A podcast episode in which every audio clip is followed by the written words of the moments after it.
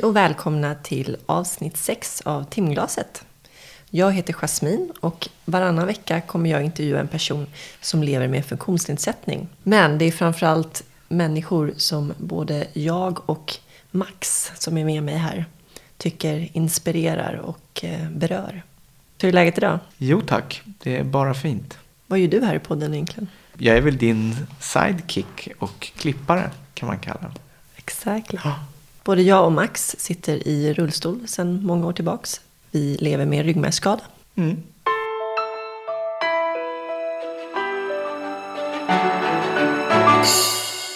Idag ska ni få möta Annette. Annette har varit rullstolsburen sedan 86. Då hon fick en ryggmärgsskada efter att hon blev påkörd av en bil. Då var hon bara 14 år. Idag så har hon två söner på 6 och 9 år och är gift. Och hon har en lång karriär som rullstolscurlingspelare.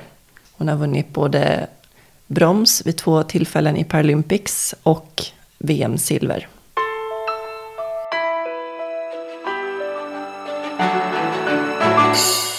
Det här avsnittet görs i samarbete med Atlas Assistans som erbjuder personlig assistans. Det skräddarsyr assistansen så att den passar det livet du vill leva. Vi vet vad vi pratar om står det på hemsidan. Och det kan ju bero på att han som har startat det sitter själv i rullstol. Tack så mycket. Tack Stefan och kompani. Här kommer Annette.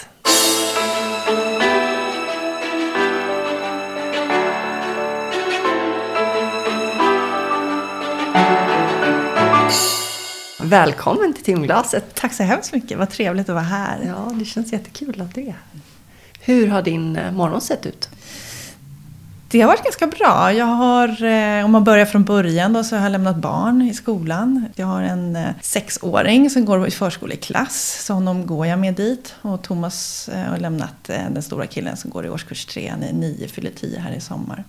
Så det är sådär hektisk morgon med att få upp barnen och få ordning frukost och så är det gympakläder så ska de vidare på fotbollsträning båda två eftermiddag och vem ska se till att skjutsa dem och så. Och sen kasta sig iväg. Fotbollsmorsa. Ja, jag brukar säga det. Jag har övergått från att ha varit en curlingförälder till att bli en fotbollsförälder istället. Apropå då min curling. Ja, ja. Precis. Det ska vi komma in på lite sen. Din Mm. curlingkarriär. Mm. Hur såg din uppväxt ut då? Var kommer du ifrån? Ja, men jag är, är Stockholmsbo ursprungligen. Född eh, i, Stockholm eller i Älvsjö och sen så flyttade min familj tidigt. Då. Jag var väl bara tre, fyra år till eh, det här området i Huddinge som var ett nybyggt då, radhusområde. Så där eh, är jag, är jag uppvuxen. Och, och, det, och det blir så som det är med nybyggda områden. Jag bor nu i Hammarby sjöstad som är lite på samma sätt. Och ett nybyggt område det blir väldigt mycket nybyggaranda och mycket barn. Och så var det ju där jag bodde också. Jag hade ju alla mina kompisar runt omkring i, i radhusen främst runt omkring. Det låg villor där också. Men det var de här mindre barnen fanns i de här radhusområdena då. Men du har varit skadad sedan 86. Ja, det låter ju länge. så här galet när man säger det. Ja, men det är så länge så att jag inte riktigt har koll på längre hur länge det är. Så jag brukar säga så här, men det är väl 25 år. Men snart är det ju 30 år. Över 20 år brukar jag nog ofta säga, fast det är mycket mer. Ja. Och då var du 14. Mm. Kan du berätta vad som hände? Jag var på väg till eh, skolan i det området jag bodde. Jag är uppvuxen i Fullersta som ligger i Huddinge. Och skulle på, på morgonen där gå till skolan. Min kompis som jag brukade gå med, hon skulle till tandläkaren den här morgonen vet jag. Så jag skulle gå själv. Så att, eh, på den gatan där jag bor så ligger det en, en nedförsbacke då. Från det hållet jag kom så blir det en nedförsbacke med en kurva i. Och nu var det så här en klassisk aprildag. Det hade varit alltså barmark och sen helt plötsligt över natten där på helgen, det här var en måndag morgon på helgen, så hade det börjat snöa massvis. Så på morgonen när jag skulle gå iväg så ut i de här bostadsområdena hade man ju inte hunnit snöröja än. Så när jag gick där i den där backen så kommer en bil uppifrån backen som inte, ja hon ser nog mig, men kan inte bromsa bilen. Utan hon kör rätt in i mig. Hon, I kurvan på något vis så blåser sig väl bromsen och försöker tvärnita. Så hon glider in i mig. Det var ingen hög hastighet. Och det här hände precis utanför några av mina barndomskamrater och fortfarande vänners hus. Så att eh, när jag låg där på gatan och folk strömmade till och hon som körde bilen och det kom någon. Därför det sista jag minns det är att jag ser en pappa komma gående nere i backen upp, uppåt med en, ett barn. För det, gick, var en dagmamma som låg där i backen också. Och det, enda, det sista jag minns är att jag hör någon som skriker akta dig. Eh, och då är det liksom redan för sent. Så han var där med det där barnet och så, ja, och så till slut kom ambulans. Och mitt i allt det här när ambulansen så var där, då, då kommer min bästa kompis, fortfarande en av mina bästa kompisar, eh, gående i, i backen och ser mig där. Så, så det är också så absurt. Så mina kompisar som har varit med mig sedan jag var, oh, herregud, jätteliten. Då, vissa två, tre, fyra, fem års ålder, sex års ålder kanske. Eh, ser mig där och sen liksom, är det ett nytt skede i livet. Både för mig och faktiskt för dem. Smällen och sådär, kommer du ihåg någonting från det? Nej, men jag var ju inte någon längre liksom, borttuppad eller avsvimmad eller så. Så jag minns att jag låg på backen och att jag eh, tänkte att jag, att jag har benen uppe i buskarna. Så det var ju en trottoar och sen var, låg, var det ju en sån här, runt just ett bostadshus, en häck. Så jag tänkte så här, jag ligger med benen uppe i buskarna. Och det tror jag fortfarande idag att jag gjorde, men det gjorde jag nog inte. Jag tänkte på det, jag har ju läst din bok. Just det här med att man inte har någon koll längre på, liksom. man har ingen känsla av vad en del av ens kropp är. Så jag var så övertygad om att jag låg med benen uppe i buskarna. Och jag kommer ihåg att jag låg där på backen och tänkte att hur ska, man, hur ska man agera i en sån här situation? Ska man skrika? Jag förstår att jag låg och tänkte, för man blir ju i sån chock. Mm. Så, och då på något vis så tänker man så här, hur, hur bör man agera i en sån här situation? Ingen smärta, ingenting, men, utan bara i chock. Så. Uppenbarligen låg jag ju mer ute i gatan. För jag kommer ihåg att de drog upp mig på trottoaren, för det kom ju bilar uppifrån backen. Så jag låg ju aldrig med några ben uppe i några buskar, men jag hade fått för mig det. Beskriv din funktionsnedsättning lite mer. Du... Ja, jag har en, en eh, förlamningsskada då från TO12. Så att jag är förlamad i benen från midjan och neråt. Jag har en komplett skada. Jag är inte spastisk, jag är helt komplett. Så jag har ju, saknar ju all form av känsel och rörlighet i benen. Så att jag är helt beroende av rullstol för att ta mig fram. Den här kvinnan som körde på dig. Mm. Fick hon träffa dig sen liksom, när du låg där på sjukhuset? Eller hur hanterade ja, hon, hon, var det uppe hela? På, hon var uppe på sjukhuset med något tillfälle. Jag har alltid känt så att jag tror att hon har mått sämre än vad jag har gjort. Visst är det så. Det är väl ens värsta mardröm att köra på ett barn. Det hade ju varit fruktansvärt jobbigare om, om hon hade varit ett rattfyllo eller någonting. Så det har jag ju tänkt på, liksom, att hon var ju ändå inte ett rattfyllo. Det var liksom vädret som ställde till det. Det går ju inte att tala om för en 14-åring att man aldrig mer ska gå. Man tar ju inte in det liksom. Mm. Även fast läkarna säger det. Och jag vet att jag skadade mig i april. Och under sommaren sen som kom så skulle jag på ett fotbollsläger med, med fotbollen. Och i den åldern, det är ju lite spännande att liksom resa iväg med, med fotbollskompisarna och sova borta och sådär. Så jag vet att jag tänkte att ja, men jag blir nog i alla fall bra till sommaren. Sådär. Sen flyttar man ju det där framåt hela tiden. Nej, det kanske inte blev något fotbollsläger i sommar. Men eh, jag kommer i alla fall kunna gå sen när jag börjar skolan sen i, i slutet på augusti. Och så flyttar man fram det lite grann igen. Så det är någon som frågar mig någon gång, ja men när gick det upp för dig? Ja men det mm. liksom kom nog successivt hela tiden. Mm. Man flyttar det där framför sig lite grann. Var du arg i början? Nej, och jag tror inte, jag, jag, jag kanske tyckte att det varit orättvist ibland. Men jag tror också att när man är ung att man är ganska så anpassningsbar. Sådär. Jag har haft kompisar runt omkring mig som, jag menar de har ju inte, vi har inte haft någon relation till någon som har suttit i rullstol. Jag, jag vet att jag tänkte på att jag nog bara sett någon i rullstol på stan någon gång. Jag var 14 år och, hur många, och det här var liksom på 80-talet. man kanske inte, för det första la jag nog inte märke till rullstolar. Sen inbillade jag mig att man kanske inte såg lika många ute i samhället heller. Så nej, jag har nog mest kanske tyckt i perioder att det varit lite orättvist. Men eftersom jag har haft vänner och familj runt omkring mig som har släpat iväg mig på, jag menar, nu går vi på bio, nu följer du med.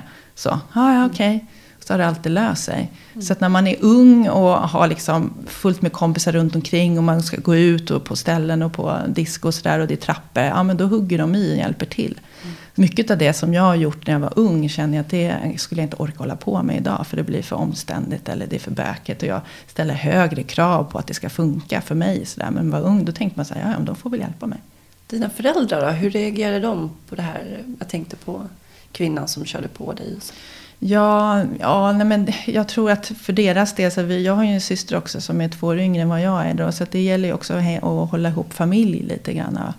Jag har ju en bra familj och bra vänner runt omkring mig. och Det var väldigt viktigt att få gå tillbaka till samma skola och, och, och sådana saker. Då. Så jag, jag tror att det är just med tanke på hur de har agerat. Att jag faktiskt också kom tillbaka till samma skola. Det var ju inte kanske jättevanligt då. Och skolan jag gick i den var ju inte tillgänglig på något vis. man fick ju söka pengar för att sätta in hissar och sådär. Det tog lite tid. Men samma sak där. Lärare och kompisarna hjälpte till och lyfte. Och barn, man skulle upp till biologisalen så låg två trappor upp. Och så lyfte de och var i flera månader innan den här himla hissen till slut installerades. Jag hade ju fortfarande många år kvar i skolan skolan. Det är ju så självklart att det är det här jag ska göra. Liksom. Jag ska gå i skolan nu. Gick ju på gymnasiet sen och sådär. Jag hade inte bestämt någon inriktning på livet då. Men jag tror att det är jätteviktigt att man snabbt kommer in i nya rutiner Ja, och ja.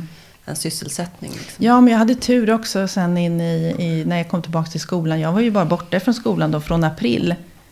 Eh, Och den, den terminen ut. Och sen när jag gick i sjuan, sen började jag ju direkt i åttan i samma klass. Med samma lärare, i samma skola. Jag var den enda som hade en funktionsnedsättning. Så det var ju mer så här spännande. Folk ville helst putta omkring på mig i korridorerna och, du vet, och frågade massvis. Så det, det har ju inte aldrig, det har aldrig någonsin varit något problem. Det har ju mer varit liksom att det har varit spännande och, och roligt att jag har funnits där. Och just tryggheten att ändå komma tillbaks till det trygga med sina kompisar. Hur länge låg du på sjukhuset? Ja, men det var inte så länge. Och på den tiden känns det som att det var väldigt kort tid. Alltså jag kom ju då, eftersom jag då räknades som barn, så skulle jag egentligen ha varit, åkt till Sankt Göran. Men eftersom jag bodde i Huddinge, Huddinge sjukhus, i storsjukhus, och det här var en allvarlig skada, så bedömde de att det var bättre att jag tog mig dit. Så att jag hamnade på en ortopedavdelning där. Med ett eget rum som jag hade hela tiden. Eh, Så jag hade till och med kompisar som kunde sova över. Jag hade tapetserat hela rummet med massa idolplanscher från alla såna här poptidningar som fanns då på den tiden. Vilka de var idolerna då? Ja men det var, ja, men det var typ Michael Jackson. Och, jag kommer inte ihåg. Men det jag, var, jag hade Ricky Martin. Jaha, nej. Dörren. det. Nej. Det, nej, det har jag inte haft. Nej, men jag har, eh, nej, men det var ju alla de, Madonna och alla de som var Ah, populära sådär, på den tiden. Och sen hade jag tv och video som jag hade fått låna från någon, minns faktiskt inte vem. Så att jag, jag hade filmer och sånt där som jag kunde titta på. Så att efter, och det var ju faktiskt här i efterhand väldigt bra att jag hamnade där. För det var ju cykelavstånd för flera av mina vänner då. Så att jag, de kunde ju komma upp och hälsa på mig efter skolan. Och kunde sova kvar på helgerna och sådär. Och då hade vi liksom filmvisningskvällar där. Och satt och tittade på film och käkade godis och så. Men jag var där kort tid. Jag var ju bara där fram till eh, midsommar då. Så det var bara två månader. Oj. Mm, så det var inte Två speciellt. då. månader? Mm.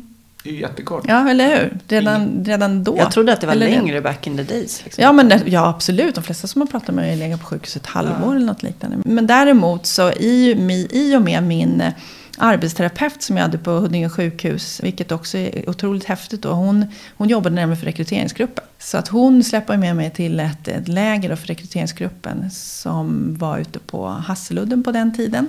Så jag var där på ett läger, men det var ju inte förrän då nästan då ett år senare. Det var på våren då, året efter jag hade skadat mig. Jag ska säga att rekryteringsgruppen är en ideell förening som har olika ryggmärgsskadeläger. Mm, och verksamhet för ryggmärgsskadade personer. Mm. Och just som de kallar de här nybörjarlägren, alltså när man är nyskadad och får komma dit och träffa andra i samma situation och sådär. Och träna och prova på olika idrotter och lära sig lite tips och tricks från, från andra. Jag hade ju inte bil då, jag var ju så ung, så jag var ju 15 där. Eh, men det började liksom komma lite grann i tankarna så småningom. Jag vill ju kunna köra bil, slippa liksom hålla på och vänta på en färdtjänst, taxi och sådär. Så det kommer jag ihåg väldigt väl, att de visade så hur man hoppar in i bil och hur man plockar med sig stolen. Och det hade jag i bagaget den dagen sedan jag tog körkort. För jag fick ju ta körkort med dispens ett år tidigare än alla andra. Så jag var 17, så det var en stor lyx. Och då kommer jag ihåg att jag kunde liksom plocka fram det ur minnet. Just apropå det här med att att man, att man ser andra hur de gör och att man sen får anpassa det till, till sitt sätt. Så då. Men vad då dispens? Varför fick... För att du... För att jag hade behov av bil och då kan man ansöka om dispens att få... På, Det hade få jag också möjlighet att få. Ja, precis. Så att jag var ett år före alla andra då. då. Så jag hade ju bil och körkort och var ju värsta lyxen. Alla polarna ville ju hänga med mig. Så här, åka iväg och käka på McDonalds på lunchen. Och. Det måste ha betytt mycket. Det betydde oerhört mycket. För jag var ju så låst och väntade på alla de här skolskjutstaxibilarna. Och hade gjort det då från då jag gick på högstadiet. Och, eh, och sen då på gymnasiet. Jag har ju alltid haft en möjlighet. Alltså det var ju lite generösare på den tiden kan man väl säga. Med färdtjänst och allt sånt där. Så jag hade ju oftast liksom min kompis som bodde bara liksom något halvt kvarter ifrån där jag bodde. Hon åkte ju med mig hem från skolan. Och så där, I alla fall under högstadietiden då. då gjorde vi det. Och jag kommer ihåg sen senare när man var ute och festade och sådär. Man skulle ta färdtjänst både till stan och tillbaks hem till Huddinge sen. Jag hade ju aldrig något problem. Jag kunde hela bilen full med folk. Nu för tiden, Det skulle ju aldrig funkat liksom. Förstår du? Då skulle jag ha fått kommit efter alla andra som hade fått åka kommunalt in. Eller haft med mig en och så hade man fått splitta hela gänget. Mm. Vi var ju alltid liksom fyra pers i bilen och tryckte in oss. Och taxichauffören släppte av den ena efter den andra. Liksom, så där. Det var aldrig något problem. Mm. Och just liksom det här med att få känna sig en del av gänget och liksom kunna inte bli exkluderad. För det blir ju ändå så. Ska man sitta hemma och, och förfesta lite grann så ska jag åka taxi och de andra åka kommunalt. Hur kul blir det liksom? Nej, precis. Då hade jag kanske åkt med kommunalt i och för sig. Det kanske hade varit bra. Fast pendeltåget funkar ju sådär. Mm. Mm. Verkligen. Alltså. Ja, precis. Det är katastrof. Ja. Nu funkar väl pendeltåget? De har inte fått nya vagnar? Ja, det beror ju på vilken linje. Ja, precis. När jag åker, då åker jag tvärbana. Jag har bara alltså. uteslutit i mitt liv ja. ja, jag tycker, men jag tycker bara att det är så besvärligt. Jag kommer ihåg, jag tror det var när vi hade någon tjejkväll för några år sedan. Mm. Då, då kommer jag ihåg att du berättade om när du hade bil. Och eh, när du körde bil då ser mm. man ju inte att du sitter i Nej, rullstol. Och att du fick ett ragg. Det är jätteroligt. om det. Ja, det var länge sedan. Jag var ung och, och snygg. Nej, jag åkte bil och sen så några timmar senare så ringer det telefon. Så är det någon som, helt sanslös. Då är det någon alltså som har åkt förbi och tagit registreringsnumret och kollat upp, ringt åt bilregistret. Det här var ju tiden långt före internet så det var ju lite omständigt liksom att kolla upp. Och sen så ringde mig och han hade tyckt jag var så snygg så han, ville träffa mig. Och då visste inte han om att jag satt i rullstol. Det var jätteroligt. Träffades ni? Ja, men långt senare. För att jag på något vis ville hålla det lite på, på halster. Ja, och jag hade ingen lust att berätta att jag satt i rullstol. Så vi pratade vid ganska mycket. Och till slut så liksom kändes det som att efter veckorna gick att nu börjar det ju verkligen närma sig. Han började tycka det var konstigt att inte jag ville träffas. Så då sa jag bara vid något tillfälle så här, ja men jag, jag måste ju bara berätta en sak. Han bara, vadå är du gift eller? Jag bara, nej men jag sitter i rullstol. Jättekul. Hur reagerade han då? då? Nej, men inte så himla farligt. Vi träffades någon gång, men det var inget mer med det. Men mm. jättemärkligt. så jag säger det, man får ju vara med om en del saker ja, här i livet faktiskt. Spännande grejer. Dina föräldrar, vart de mer överbeskyddande? Nej, men jag tycker nog inte det. Kanske till viss del, ja men till viss del liksom. Men det har ju varit så mycket också när man är 14 år och skadar sig och kontakter med försäkringsbolag hit och dit, allt sånt där. Det har ju de skött.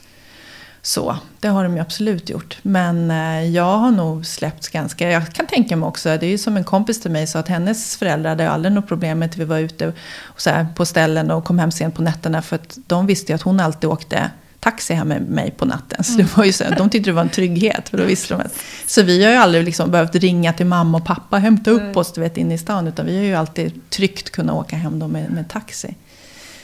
Så nej, inte som jag i alla fall minns. Lillasyrran då, tycker hon att det varit så mycket? All fokus hamnar ju på mm. mig. Det är väl en, liksom, en stora grej när det händer något sånt här i en familj. Naturligtvis. Liksom. Allt runt omkring kretsar ju kring mig naturligtvis. Eller gjorde då på den tiden. Och även liksom andra anhöriga runt omkring. Ja, ja, klart att man liksom, eh, ställer frågor kring ja, hur är det med Anette och sådär. Så, så att allt, allt fokus kretsar på mig. Så hur kunde hon hantera det sen då? Nej men det har nog varit, det har varit jobbigt i mm. perioder naturligtvis. Det, det, hamnar ju, det handlar ju lite om att hamna i skuggan av någon annan som får all mm. uppmärksamhet. Så där. Det är klart, vi var ju ganska tätt i ålder också. Vi umgås jättemycket nu och det är inga problem så. Men eh, under, under ett antal år där under uppväxten så blev det ju mycket mera fokus på mig. Men hon eh, stack iväg till Australien som utbytesstudent och som gjorde lite andra saker också. Då, då. Så det är ju viktigt. Och det är en sån här grej som jag kanske hade gjort om mm. jag inte hade hamnat i rullstol. Men det känner man, det var lite liksom ett steg som jag inte riktigt vågade ta kan jag säga. Det är ju ganska mansdominerat den här världen. Ja, det är det ju. Hur var det då, på din tid? Ja, men det var det ju också. Mm. Definitivt. Jag var väl tänker bara på det lägret jag var där ute på Hasseludden. Jag, jag vet inte om det var överhuvudtaget var någon mer tjej med där på lägret. Inte som jag minns i alla fall. Nej men det är det ju och det är det ju fortfarande. Och allting som görs kändes ju också så här att allting görs utifrån liksom, killars perspektiv. Rullstolar eller vad det nu än är för någonting. Så är det ju mycket fokus på killar. Mycket forskning också naturligtvis. Hur stor andel är killar som skadar sig? När jag skadade mig då var det 10 tjejer. Mm. Och nu är det 20 tror jag. Okay. Så att det har ökat. Mm. Mm ditt självförtroende? Jag tänker, du var tonåring, hormonerna sprudlar. Och mm. Hur hanterar du det? Liksom, den här nya kroppen du skulle ja, lära dig leva med? Jo, precis. Nej, men jag tror jag är lite så på samma sätt som hela insikten med sin skada. Man tar allting lite successivt i just i den åldern så är det ju väldigt blandat. Jag tror liksom att en, en del av klassen var ju redan ute på, på partyn och, och de jag umgicks med gjorde inte riktigt det. Så, där, så det hade kanske, jag var inte riktigt där än utan de jag umgicks med, vi, vi träffades mycket så här mer och, hemma hos, hos kompisar och sådär. Men inte så att vi hängde på någon fritidsgård där på kvällarna och så. Det gjorde vi inte då. Men i den åldern sen framöver, liksom 17-18 års ålder, när kompisarna börjar träffa mycket killar och sådär. Och i den åldern så blir utseende så viktigt. Men jag har hela tiden också tyckt så här, ja ah, men what you see is what you get. Så är det ju på något vis mm. liksom. Jag tänker på de här äh, sakerna som inte syns. Mm. Liksom, man har ingen känsel mm, och mm, mm. tarm och blåsa och mm. hela den biten som ändå är det mest besvärliga när man är förlamad. Liksom. Hur, när du hade träffat en kille och sådär, liksom, hur, förklarade du dem den problematiken? För det första är det så när man är ute på krogen och var i den åldern och träffar alla dessa fulla killar. De är ju ganska så snabbt framme med att fråga sådana saker. Speciellt när klockan har passerat, passerat midnatt och, man är, och de är hyfsat berusade. Många som vill sätta sig i knät. Ja men precis och det går ju bort på en gång kan jag säga. Liksom, det, är ju, det är ju totalt ointressant och ju äldre man blir desto mindre. Ja, men förstår du, man, man är ju helt, man är så less på den typen av folk. För det dyker fortfarande upp. Herregud jag är i 40-årsåldern. Ja. Jag vill inte gå på krogen för jag tycker, Nej, jag tycker det är jättejobbigt. Ja, vadå, sätter sig killar i era knän? Ja, ja, men typ liksom. Som ja, men det, det, där, det, det är lite skillnad. Alltså är man kille och sitter i stol då tycker man det är väldigt tacksamt om tjejer kommer fram och sätter sig i knät på en eller gränslar över en sådär. Mm. Eller hur? Det tycker man väl är lite mysigt. Ja. Men när man är tjej då är det så här, nej det är... Ja men det är så mycket sånt där som man har varit med om. Jag menar jag har ju ändå då varit väldigt mycket ute i svängen då när, när det begav sig. Men jag kan känna att det är, jag saknar inte det ett dugg. Och nu tycker jag bara att det skulle vara fruktansvärt irriterande. Eller jag kan ju märka det själv. Alltså jag märker det bara om man är på eh, Ja, men på fester med gemensamma, lite mer avlägsna vänner. Och folk har tittat under kvällen, vågar inte komma fram. Men sen liksom fram på småtimmen när de har fått lite i sig, då vågar man komma fram och, och, och prata. Då behöver det inte vara att ställa frågor liksom om, om sex och sånt, utan bara överhuvudtaget våga prata. Att folk är så det är ju fascinerande det där ändå mm. tycker jag. Med, och, och, man, och, man, får en känsla av det också. Jag kan känna in det där jätteväl när man träffar nya människor. Vilka som direkt inte har något problem. Alltså det handlar väl om bemötande. Och vissa är lite mer så här, ja det känner man in på en gång. Jag blev rufsad i håret i fredags. Vad mysigt! Klappade i huvudet har man ju blivit många gånger också. Som en liten hund liksom. Ja. Det var någon gubbe som kom fram och sa någonting och så gav han en riktig rufs i håret och gick. Ja, du bara, tack, jag har hållit på med den här frisyren i en timme. Det är ju klart, det är ju liksom märkligt. Och jag tycker fortfarande man kan stöta på folk på stan ibland som säger så här, åh vad duktig du är. Mm. Och känner jag, okej okay, om när jag var 17 liksom, men nu är jag ju 42 och har familj och liksom sådär. Då kan man bli lite less på det. Mm. Jag fick ju pengar en gång. Fick du pengar? För de trodde ja, du var tiggare eller? Det är helt sjukt. Jag fick det är det sjukaste jag hört faktiskt. Ja, men jag fick två kronor av en tant i en matkassa. Ja. Nej. Här har du, gick. Nej. ja, du ser vad man kan råka ut för. Mm. Men är inte det också lite häftigt liksom, just med det liv som vi faktiskt lever? Vad otroligt mycket man får vara med om. Ja. Men eh, efter gymnasiet gick eh, ekonomi. Mm, mm.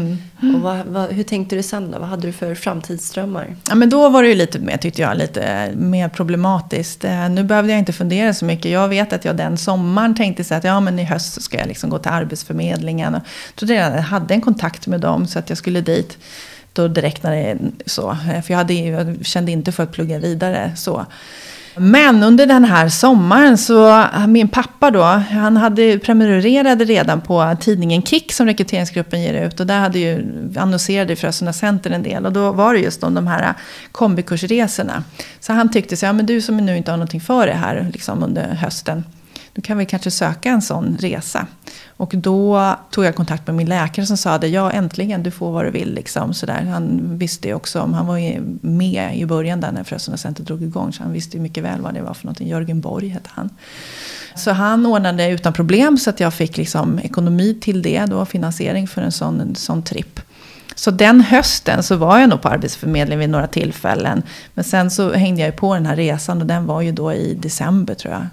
Och då var jag och tränade först på, på en gamla Frösunda Center som låg då på andra sidan E4 där nere i Frösundavik på den tiden i gamla baracker. Och träffade Karsten Inde, karismatiska Karsten.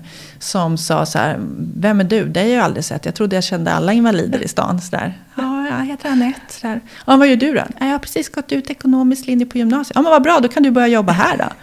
Jaha, och sen blev det så. Men sen 2000, då kom du in på curling. Ja, och det var utav en händelse. Jag hade ju då jobbat på Frösunda Center som det hette då. Och sen hade jag börjat plugga på universitetet till civilekonom. Och sen när jag kom tillbaka från det så fick jag möjlighet att jobba på Spinaliskliniken då som låg borta på Norrbacka. Och där jobbade jag under ett år. Under den tiden där så fick Claes Hultling förfrågan ifrån eh, Internationella curlingförbundet om att man tänkte dra igång då en curling för rullstolsburna med sikte på att det skulle bli en ytterligare en paralympisk gren. Och då skulle de åka till Schweiz för en, en workshop där och ville då ha med några från Sverige som kunde vara intresserade och dra igång den verksamheten. Och Claes, eftersom hans syster då var en gammal elitidrottare just inom curling, så tyckte att det här var jättespännande. Så då frågade han mig, jag satte ju liksom skrivbordet framför honom, Anette, ska du hänga på det här? Och sen Jalle också då, Jalle Ljungnell som eh, jobbar på Pantera. Eh, och sen var det ytterligare en kille som sen hoppade av. Då. Men, men jag och Claes och Jalle åkte med våra respektive. Liksom. Och de som hade familj då åkte, hade även familj med sig. Eh, vi hade, jag och Thomas hade ju inga barn då på den tiden. Så vi åkte dit, till Crunch Montana. Under den här tiden där så utarbetades regler. Då bestämdes att det skulle vara mixade lag. För att det skulle vara både killar och tjejer. Så att det, för man tittade också då på att de andra paralympiska vintergrenarna var ganska killdominerade. Då med sitski och sådär. Och med låga skador. Och curlingen skulle också kunna få in då andra typer av skador. Inte bara låga paraplegiker i, i sporten och även tjejer. Paraplegiker det är när man är förlamad i benen. Mm, precis. Och för curlingen fungerar ju även om du har nedsatt handfunktion så, så det är inga problem. Eh, och man bestämde då också vid det här sittande bordet att man inte skulle ha sopning då med. Så det är väl egentligen det som den största skillnaden jämfört med gående curling och russos curling. Det är att man inte sopar sina stenar. Och så på den vägen var det. För när vi kom hem igen så fortsatte vi och träna lite. Och sen något år senare så var det någon första så här, lite vänskapsturnering på, på Europanivå. Och sen året efter det så blev det VM. Och sen så 2006 då så var det då klart att eh, curling skulle vara med på det paralympiska programmet. Och då blev vi uttagna till att åka till Turin det gick ju väldigt bra där 2006. Ja, det var ju fantastiskt roligt. Ja, men det var verkligen, det var superroligt. Jag menar, det var ju det första Paralympics och alla lagen som var där hade ju verkligen ingenting att vinna eller förlora. Eh, det hade ju varit några VM tidigare, så redan då var ju Kanada så, de var ju dominerade ju. Och vi hade väl spelat semifinaler några gånger men alltid hamnat liksom på plats fyra och sådär. Så vi åkte dit och hade ingen press på oss heller, utan bara hade så himla roligt. Och jag kommer ihåg att jag verkligen satt på isen och tänkte så här, det här är det roligaste man kan göra i livet. Så, och då är man väl på rätt plats liksom. Så ska man väl tänka som idrottsman. Och det var liksom, ah, men förstår det för våran del, det var fullt med folk på läktarna. Och bara få vara med om en sån här tillställning. Massvis med folk på invigningen och gå ut där och liksom alla som applåderar en. Och, hade en fantastisk häftig avslutning där vi fick liksom gå i tåg genom hela Turin. Och folk liksom stod och skrek och ropade ens namn. Då tänker man så här, men herregud, kan de veta vad jag heter? Det var verkligen som att känna sig som liksom så här idoldyrkad för, en, för ett tag. En hjälte. Ja men verkligen så. Och liksom förebild naturligtvis. Jättehäftigt.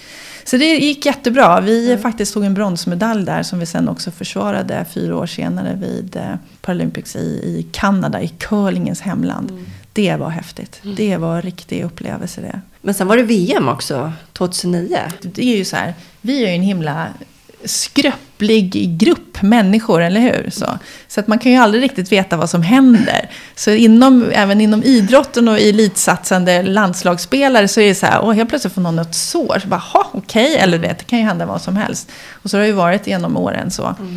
Så att 2009 så, så en av våra spelare kunde helt plötsligt på grund av sjukdom inte vara med.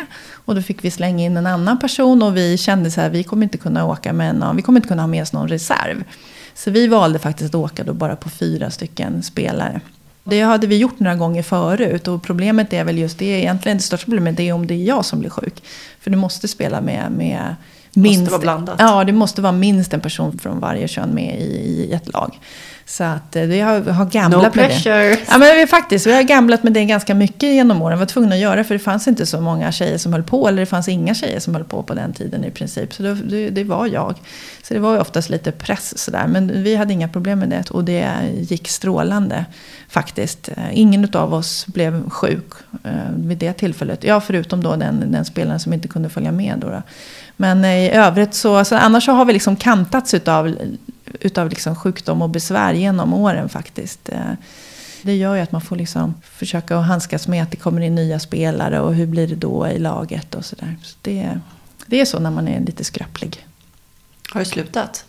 Ja, jag la av ungefär för ett och ett halvt, två år sedan. Och kände att jag inte har tid. Eller så här är det också att om man spelar på en hög nivå och vill hålla sig kvar där uppe på den nivån. Och då, sporten utvecklas ju tack och lov och blir, blir, det krävs ju mer och mer. Många nationer, så är det, många handikappidrotter har ju eh, stora anslag. Eh, och spelarna kan ju i princip göra det här på liksom professionellt. Då. De blir ju avlönade för att hålla på med det här. Och det är svårt då för nationer som för oss då att, att hänga med i det här. När vi får göra det lite så här vid sidan om våra, våra arbeten. Och dessutom de med familj och två barn. Och ju äldre barnen blir så tar ju deras aktiviteter vid också. Så att jag kände att det, det funkar inte att hålla sig på en sån hög nivå. Jag kände för mig själv att skulle jag vilja satsa till ytterligare ett Paralympics, alltså som så det som det nu var då till Sochi här. Då skulle jag vilja lägga till även, alltså nu tränade vi liksom curling några gånger i veckan och det var på helger ibland och man reste utomlands för att överhuvudtaget få bra matchning så måste man också utomlands då eftersom det inte är så stort i Sverige.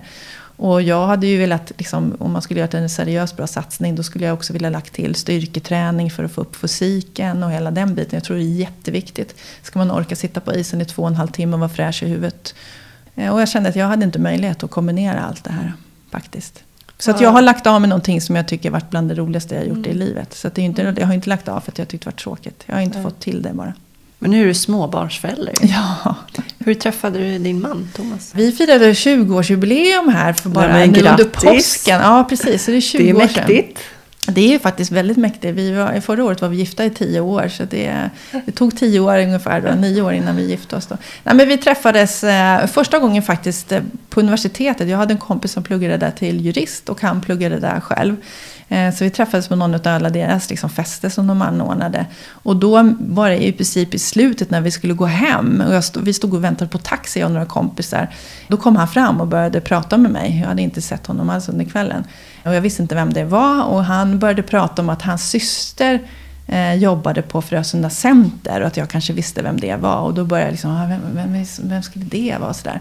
Och då kom jag på vem det var sen. Så vi stod och pratade en stund, men sen kom vår taxi. Så vi bara, whoops, skildes åt. Men då visste jag i alla fall vem hans syster var. Då, Och sen var det, var det bara, tror jag, två, tre månader senare så möttes vi på en, eh, en annan fest. Och det var faktiskt under en period så ordnade rullstolsbaskettjejerna ordnade basketfester. Och då var det på en sån fest faktiskt. Så det var ju en fest som var inom liksom branschen så att säga. Då. Och då var han där med sin syrra och lite kompisar. För han, ja, han kände ju mycket folk som satt i stolar och jobbat på RG-läger och sådär. Så att han var ju inte helt liksom eh, rookie inom det här området. Det visste inte jag då. Så då träffades vi där och från den dagen så har vi hållit ihop kan man verkligen säga. Hur var det att få barn? Det tog lite tid innan jag bara kände att jag skulle våga ta det steget. Eftersom det också är så här, när man sitter i den här situationen som man gör. Jag var nog inte så orolig att kanske ta hand om ett barn. Det är mer så här, hur kommer min kropp förändras? Jag vet vad jag har nu, men jag vet inte vad jag får. Och uppenbarligen kommer det bli en förändring. Så är det ju liksom. Det är stor påfrestning för kroppen oavsett om du har en ryggmärgsskada eller inte. Så det var nog det som gjorde att jag kände att det var liksom nästan lite svårt att ta det steget. Så Thomas fick nog tjata några år och typ var liksom mogen tidigare innan jag kände att jag var mogen. Och kroppen förändras ju, liksom, dels under graviditet men, men definitivt sen också efteråt. Nu har det gått bra.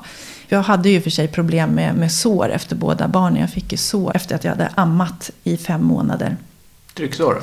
Precis, och det är också en sån grej som jag liksom aldrig hade råkat ut för. Ja, som nyskadad då när man låg på sjukhuset möjligtvis. Men sen lever man på sitt liv och man mm. använder den stol man alltid har gjort och sitter på den dyna man alltid har gjort och sådär. Och tänker väl inte så mycket på det. Men och så kan man ju tänka sig att man borde kanske fått sår medan man var gravid för att man går upp mycket i vikt och så. Men det handlar ju inte om det. Det handlar ju mer om att efter efter, Man blir statisk. Man blir liksom. så himla statisk. Med liksom en fem månaders bebis, det här hände då när faktiskt båda barnen var fem månader. Även fast jag var bättre rustad och visste om vad jag kunde råka ut för med andra barnen. Så hände det igen. Så du är ammat i fem månader. Och efter fem månader så är du som absolut mest utmärglad. För barnet behöver så mycket näring. Och man, det tar ju liksom näring från, från mig då. Jag hade tappat mycket vikt. Och med ett sånt där litet barn som de är då i första månaden. Då blir man ju väldigt stillasittande. Så med den här stora magen så sitter man ju ändå och liksom rör sig omkring i stolen. För det är bara jag, med en liten liksom, nyfödd bebis som ligger i knät. Som inte har en minska, minsta liksom, muskel eller balans i kroppen. Mm. Då sitter man ju där. Och så försöker man liksom rulla med en hand framåt medan man håller med den andra handen runt bebisen. Och, och du vet, kunde sitta i soffan och amma och då somnade han. Och då visste jag att om jag la ifrån med honom där, då kommer han säkert vakna. Då satt man där liksom i 45 minuter med liksom ett barn i knät. Då kunde man ju inte byta ställning. Mm. Så att jag tror i kombination med det här liksom stillasittandet och att jag hade tappat mycket vikt gjorde att jag fick trycksår. Som blev ganska rejält illa dessutom. Som slutade med att jag fick en blodförgiftning och låg på sjukhus i sex veckor med en fem månaders bebis. Oh, herregud. Det var ingen bra. Det var absolut inget bra. Och det är också så, när jag fick det här såret som från början var lite skrapsår kände jag att jag har ingen tid här i livet just nu att på något vis reflektera över det här eller, eller bry mig om det här. Det var ju liksom ta hand om, om Filip då som var nyfödd som var viktigast. Plus att vi skulle iväg på ett VM med curlingen. Jag kunde ju inte hoppa över och åka dit. Då skulle ingen i laget kunna åka. För jag var ju nyckelspelare då som enda tjej. Så det var ju bara att åka dit. Och sen när jag kom hem så okej, okay, nu har såret blivit mycket värre. Men vi ska ju dop om en vecka. Jag kan ju inte ställa in ett dop. Det är klart att vi måste köra på med det här dopet liksom. Och sen två veckor efter det så var jag så sjuk så jag fick ju åka akut in till sjukhus. Mm. Jag tog det inte på allvar eller kände att liksom. Och så är det lite så också. Så att det som inte känns eller syns mm. finns inte. Nej. Och jag tycker ändå jag är så pass liksom, vet, re, väl rehabiliterad. Jobbade mm. på det stället jag jobbade på. Och sådär.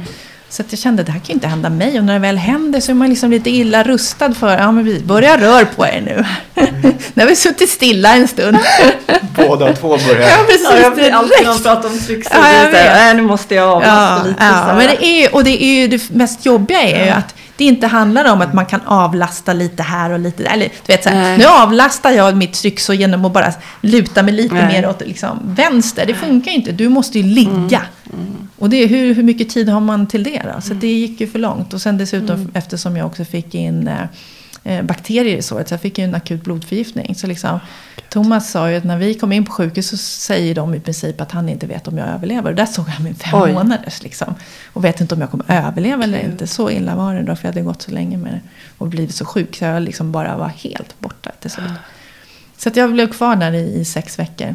Och jag visste ju det någonstans innerst inne. Att åker jag iväg med det här, då kommer jag bli inlagd. Och då kommer jag inte kunna få vara med Filip.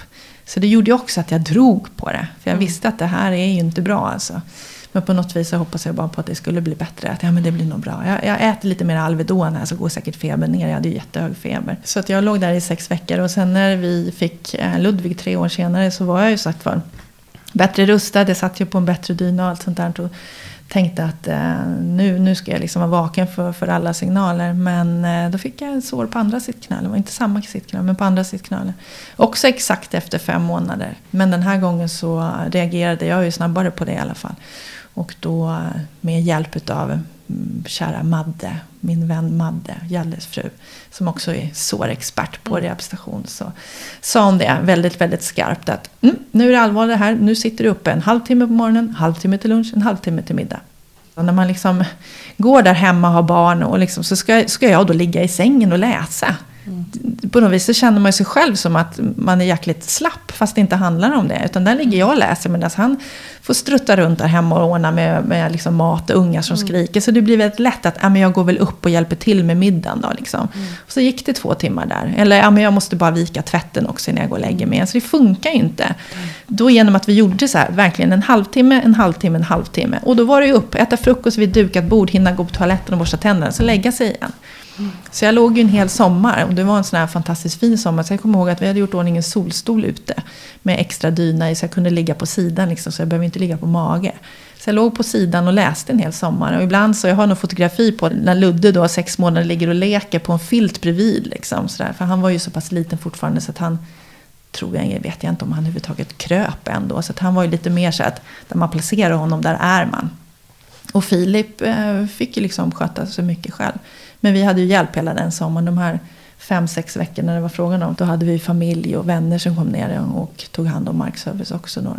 Och det läkte till slut eller? Ja, det gick faktiskt väldigt bra måste jag säga. Men det är också för att jag låg ju i princip hela tiden. Mm. Hur var det att föda barn? Det var en fantastiskt rolig upplevelse höll jag på att säga. Det är få som kan säga det. Eftersom jag då som har som en naturlig epiduralbedövning då. då ja, så behöver jag inte lida så mycket. Det var ju mer när... Men det får man väl ändå?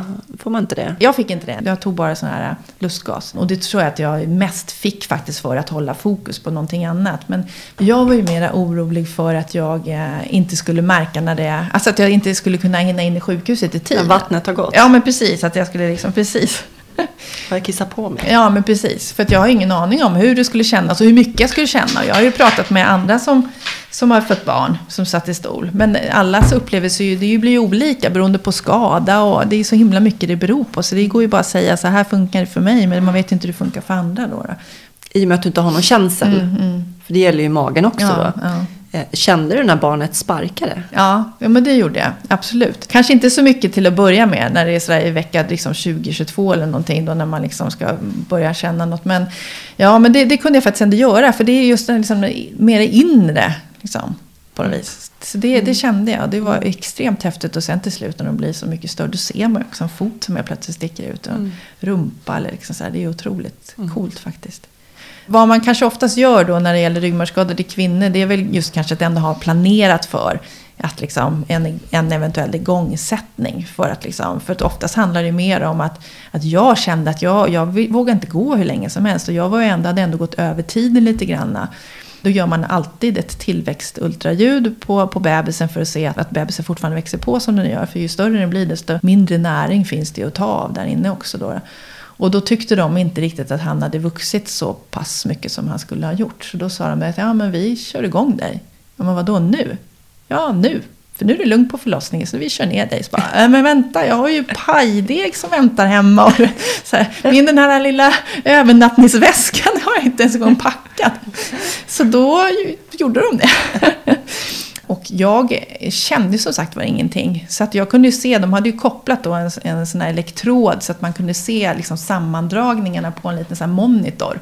Så jag kunde ju se då att okej, okay, nu är det uppenbarligen en väldigt eh, kraftig verk här. Nu ska jag känna efter, känner jag det någonting? Nej, jag känner ingenting. Så, så var det hela tiden. Så, nu då? Nu är det nog, gör det nog jätteont. Och sköterskorna var inne där och de tyckte det var så trevligt att komma in och prata med mig. För jag låg inte och skrek liksom. Så vi kunde bara titta på den där skärmen båda två. Så bara, ja, jo men nu är det nog jätte jätte, jättesmärtsam verk här egentligen. Så, så då, Spännande. ja, jättespännande. Och sen så var det i alla fall som med Filip då, att när det väl drog ihop sig, då ökade de ju dosen med med sådana verkstimulerande eh, för att det ska komma igång i slutskedet och krystverkar och sådär. Och då sa de det i alla fall att då gick hans hjärtfrekvens ner när de ökade på dosen. Så de misstänkte att han kanske hade någon navelsträng lindad kring halsen, vilket är ändå ganska vanligt. Så då tog de dit läkare och liksom med sugpropp och sådär. Så fick de ut honom då, då ganska snabbt på slutet. Men då vet jag i alla fall att vid de här, när de här liksom krystverkarna kommer igång så kände jag ändå lite. Liksom. Och de hjälpte till, de var ju så himla proffsiga och de hade ju aldrig förlöst någon med ryggmärgsskada förut. Men de liksom, kan ju sitt jobb. Liksom, de, hon sa ju det, att jag kommer ropa till dig liksom, när du ska ta i. För då kunde ju hon se på displayen att nu kommer en kraftverk, nu tar du i. Och så håll i, håll i, håll i, håll i. Andas liksom sådär. Och sen nästa. Så då körde vi det som någon slags samspel. För då mm. kunde jag ju hjälpa till. Och jag sa att jag vet ju inte hur mycket det hjälper. Men var det inte lite så obehagligt att inte ha koll på vad som Nej, men man litar så mycket på dem. De är ju fantastiskt duktiga. Och, och, Thomas fick ju stå bredvid och han behövde inte hålla så mycket hand och hjälpa till sådär. Så, utan han kände sig mest överflödig. Så. men, nej, men så det gick jättesmidigt. Med Ludde sen så satte de igång med, men det var ju för att han satt i magen. Och då sa de att nej men det, det kommer ju fortsätta så här. Så vi gör en vändning och sen åker du direkt ner till förlossningen. Så då var det också så här, jaha nu. så då gjorde han vändningen och sen direkt ner till förlossningen. Och då fick jag bara någon lite så här, liten, liten fjärdedels tablett som man skulle stoppa in under tungan. Och sen så började liksom kroppen arbeta på det. Då, och sen fick jag verkstimulerande dropp också. Och den gången så kunde jag föda ut honom helt utan liksom läkarassistans och sådär. Utan när läkaren kom in och så sa han bara, nej men det här är ju, han är ju nästan ute liksom, jag går igen. Så, så var det bara barnmorskorna med. Så det var en jättehäftig upplevelse att känna. Liksom, första gången var jag ändå med sug, eh, en klocka sådär, men den här gången så, så utan, utan problem. Då. Skönt. Ja, verkligen. Häftigt. Ja, men det är, jätte, det är en jättehäftig upplevelse. Jag kan ju inte säga att det har inte varit någon smärtsam upplevelse. Liksom. Det har det inte varit. Hur har dina barn förhållit sig till din funktionsnedsättning? När förstod de att eh, mamma var lite annorlunda? Ja, men jag tror att kanske sådär runt till treårsåldern. Men på något vis är det ju så att jag är ju deras mamma oavsett. Jag tror inte att de tänker så mycket på det egentligen. Alltså mer då att, att Filip har, har det här synsättet med sig som nu är nio år. Då, så han tänker ju mer så här praktiskt. att när om han och, och Thomas då, pappa är, är iväg och gör någonting så kan ju Filip säga så här, men här skulle inte mamma kommit in för det är trappor. Liksom lite mer så här praktiskt så. Men det är inte så att de tycker att det är något konstigt eller sådär. Och i den, i den skolan där de går så finns det flera andra föräldrar också som sitter i rullstol och andra funktionsnedsättning. Och dessutom sitter ju min svåger också i rullstol. Så att de, de har ju det inom släkten också på något sätt. Liksom. När någon kompis frågar så rabblar de. Ja men hon har ju blivit påkörd av en bil, bla bla bla. Du vet, så, de, så rabblar historien snabbt. Så det är ingenting mer med det. Sådär. De sätter sig gärna i knät båda två liksom, fortfarande fast de är tio och snart liksom, ja. sex och ett halvt. Då. Så speciellt Ludde som är sex och ett halvt tycker fortfarande att han är jätteliten. Så att han får ofta säga, åh jag har så ont i benen mamma, jag måste sitta i ditt knä. Han är så lång nu så jag kan inte se och rulla när han sitter i ditt knä. Får han rulla istället? Ja, precis, precis.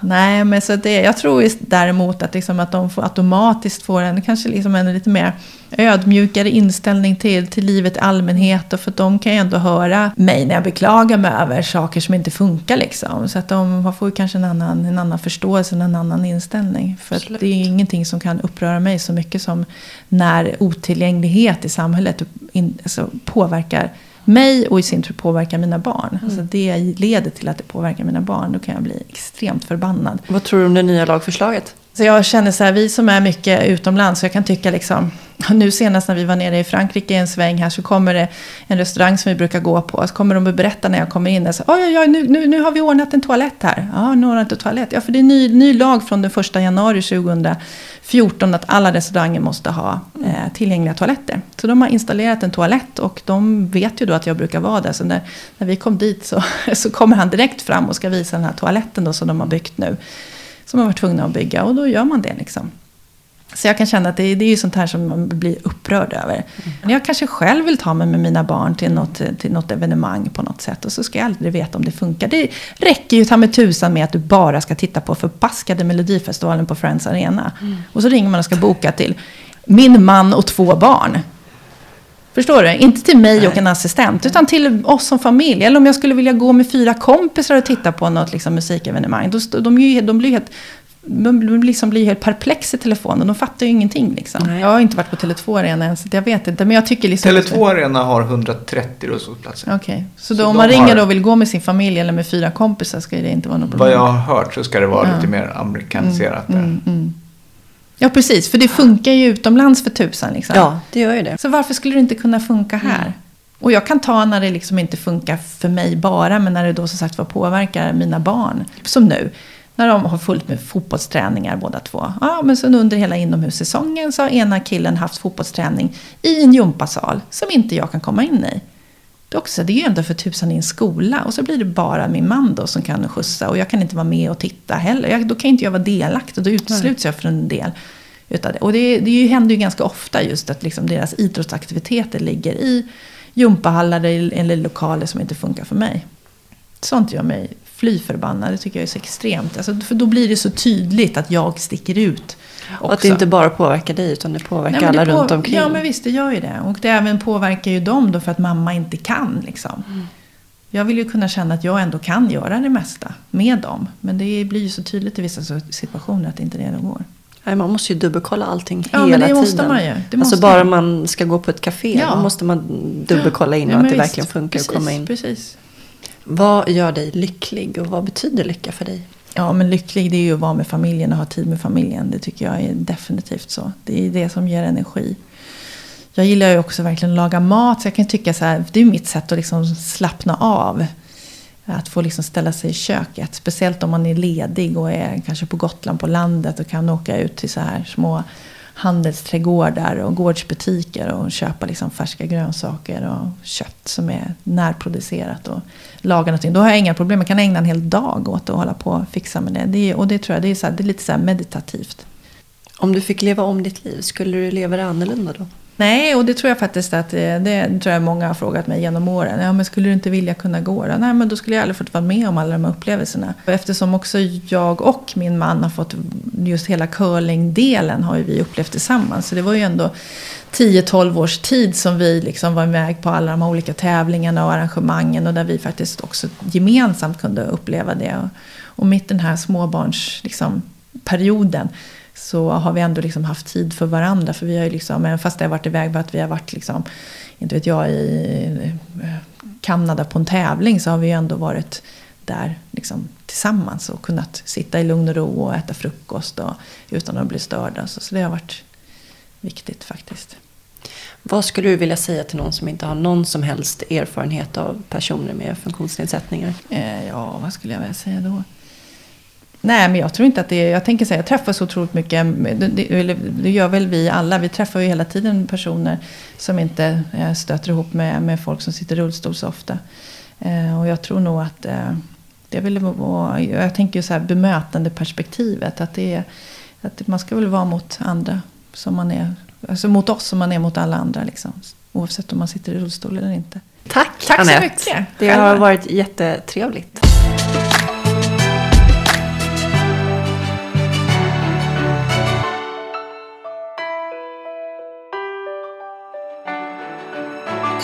Då har ni precis fått höra Anettes livshistoria. Känner du igen dig? Absolut. Jag var ju 15 år när jag skadade mig, så jag var typ samma ålder. Så definitivt så känner jag igen mig i just det här snacket kring att bara för att man är så ung när man skadar sig så ska man ha lättare att anpassa sig till ett nytt liv. Och... Är det så? Absolut. Det var ju många gånger de sa till mig, ja men det, det är tur, du är så ung, du har hela livet framför dig. Ja, Just därför tycker jag att det är skit och piss. För jag har hela livet framför mig och nu är jag förlamad. Jag har inte alls hunnit göra allting det jag ville göra. Jag tänkte när jag skadade mig som 20-åring så tänkte jag Gud vad skönt att jag inte var tonåring när jag gjorde detta. Är det så? Ja, det var tillräckligt jobbigt ändå att vara tonåring. Men eh, som hon sa, alltså, de positiva bitarna är ju att man gick ju i skolan och man var ju tvungen att gå tillbaka till skolan ganska snabbt efter att man skadade sig. Och då hamnar man ju i rutiner och en sysselsättning och kanske inte hinner gräva ner sig lika mycket. Men hur var det då att gå tillbaka till gamla skolan? Du som höll på med dans och hela den där grejen. Jag började gymnasiet så jag började på en ny skola. Bara det att medialinjen råkade vara på Kungliga Svenska Balettskolan. Så där stötte man ju på en och annan danskamrat och det var kanske inte det roligaste. Men å andra sidan så var det det mediegymnasiet som var närmast där jag bodde. Så att det fanns ju ingen anledning att åka någon annanstans och gå i skolan. Så det var ganska tufft. Fast jag låtsades inte som det. Eller jag låtsades som att ja, men det är ju kul att stöta på gamla danspolare liksom, i korridorerna. Men det är ju klart att det sved. För att de lever ju det livet som jag hade tänkt att leva. Sen var jag med om en grej som sved ganska mycket. Och det var, jag stod och väntade på färdtjänsten i ingången till Riddarfärdsskolan. Och så plötsligt så kommer en danslärare ut genom dörrarna. Han ska liksom ut. Han var en väldigt bra lärare och jag trivdes att gå på balettundervisning hos honom och tyckte att han var riktigt bra. Liksom, du, hade gått, honom. du hade gått mm. hos det tidigare? Mm. Men eh, han gick förbi raskt. Snabba steg. Och det, det kommer jag ihåg, det sved. Och då han ignorerade dig? Jag vet inte om han ignorerade mig, om han inte kände igen mig eller vad det var för någonting. Men det känns ju som att de flesta visste vem jag var. Liksom. Alla känner apan. Mm. Så det, ja, det var intressant. Däremot så fick jag ju ganska mycket problematik med trycksår väldigt tidigt. Och det känner jag igen mig i, i och med att Anette också har haft trycksår. Men eh, jag fick det ju bara ett halvår efter att jag hade börjat skolan. Och då var ju mitt eh, sociala liv väldigt begränsat. Jag ville liksom inte... Det, det gick inte att ha ett umgänge från mitt rum liggandes i en säng och avlasta ett sår. Liksom. Så större delen av gymnasiet gjorde jag faktiskt hemifrån mitt rum. På distans. Så där losade jag ganska mycket av min vänskapskrets på grund av det. Några hade du väl? Ja, det är ju alltid några som hänger kvar. Jo, så är det. Men sen tror jag jag hänger på en själv också. Som i mitt fall, jag menar jag tog ju avstånd. För jag kände att jag var inte tillräcklig. Liksom. Vad, hur kul är det att vara med mig när jag ligger där med trycksår? Så att det var lite på grund av mig själv också på något sätt. Jag tog distans. Jag ville ju vara en rolig person att vara med. Inte vara någon som låg och bara var ett skröppel. Men sen ändrades det. När man både hade lappat ihop rumpan och opererat ryggen så man blev rak igen. Då vart det lattjo. Hur gammal var du då? När du var klar? Det var ju efter jag hade tagit studenten. Jag var väl 20 kanske, 19-20. Då var det bara ut och resa i världen och röja. Det var som ett nytt liv på nytt född. Tänk vad, li vad lite kan göra mycket. Eller vad mycket kan göra Och då lite? Du menar op operera ryggen, stabilisera ryggen, sätta in lite metallskenor. Tänk Ja. vad lite kan göra mycket.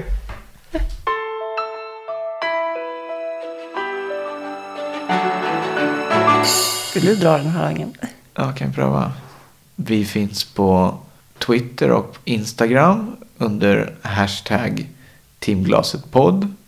Vi har en hemsida som heter www.timglasetpodd.se Och man kan, man kan mejla oss på kontakt timglasetpodd.se Den mejlkorgen är ganska tom fortfarande. Så. Vi skulle bli jätteglada om vi fick lite feedback på podden. Om ni har några synpunkter eller om det är något som ni tyckte var bra eller mindre bra. Och även om ni har några tips om gäster som ni vill höra i vår podd. Det här avsnittet är sponsrat av Atlas Assistans. Tack så mycket. Tack så mycket Atlas Assistans.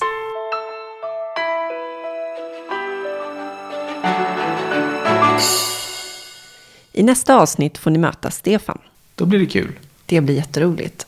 Han är en skön norrlänning bosatt i Stockholm och är vd för Atlas Assistans. Han är utbildad socionom och skadade sig i en jeepolycka i Thailand när han var på jorden runt-resa med polarna. Avsnittet publiceras den 20 juni på midsommarafton. Så ta en snaps och lyssna på ett garanterat underhållande avsnitt med mycket galghumor. Ha det bra tills dess och lyssna igen om två veckor. Hej då!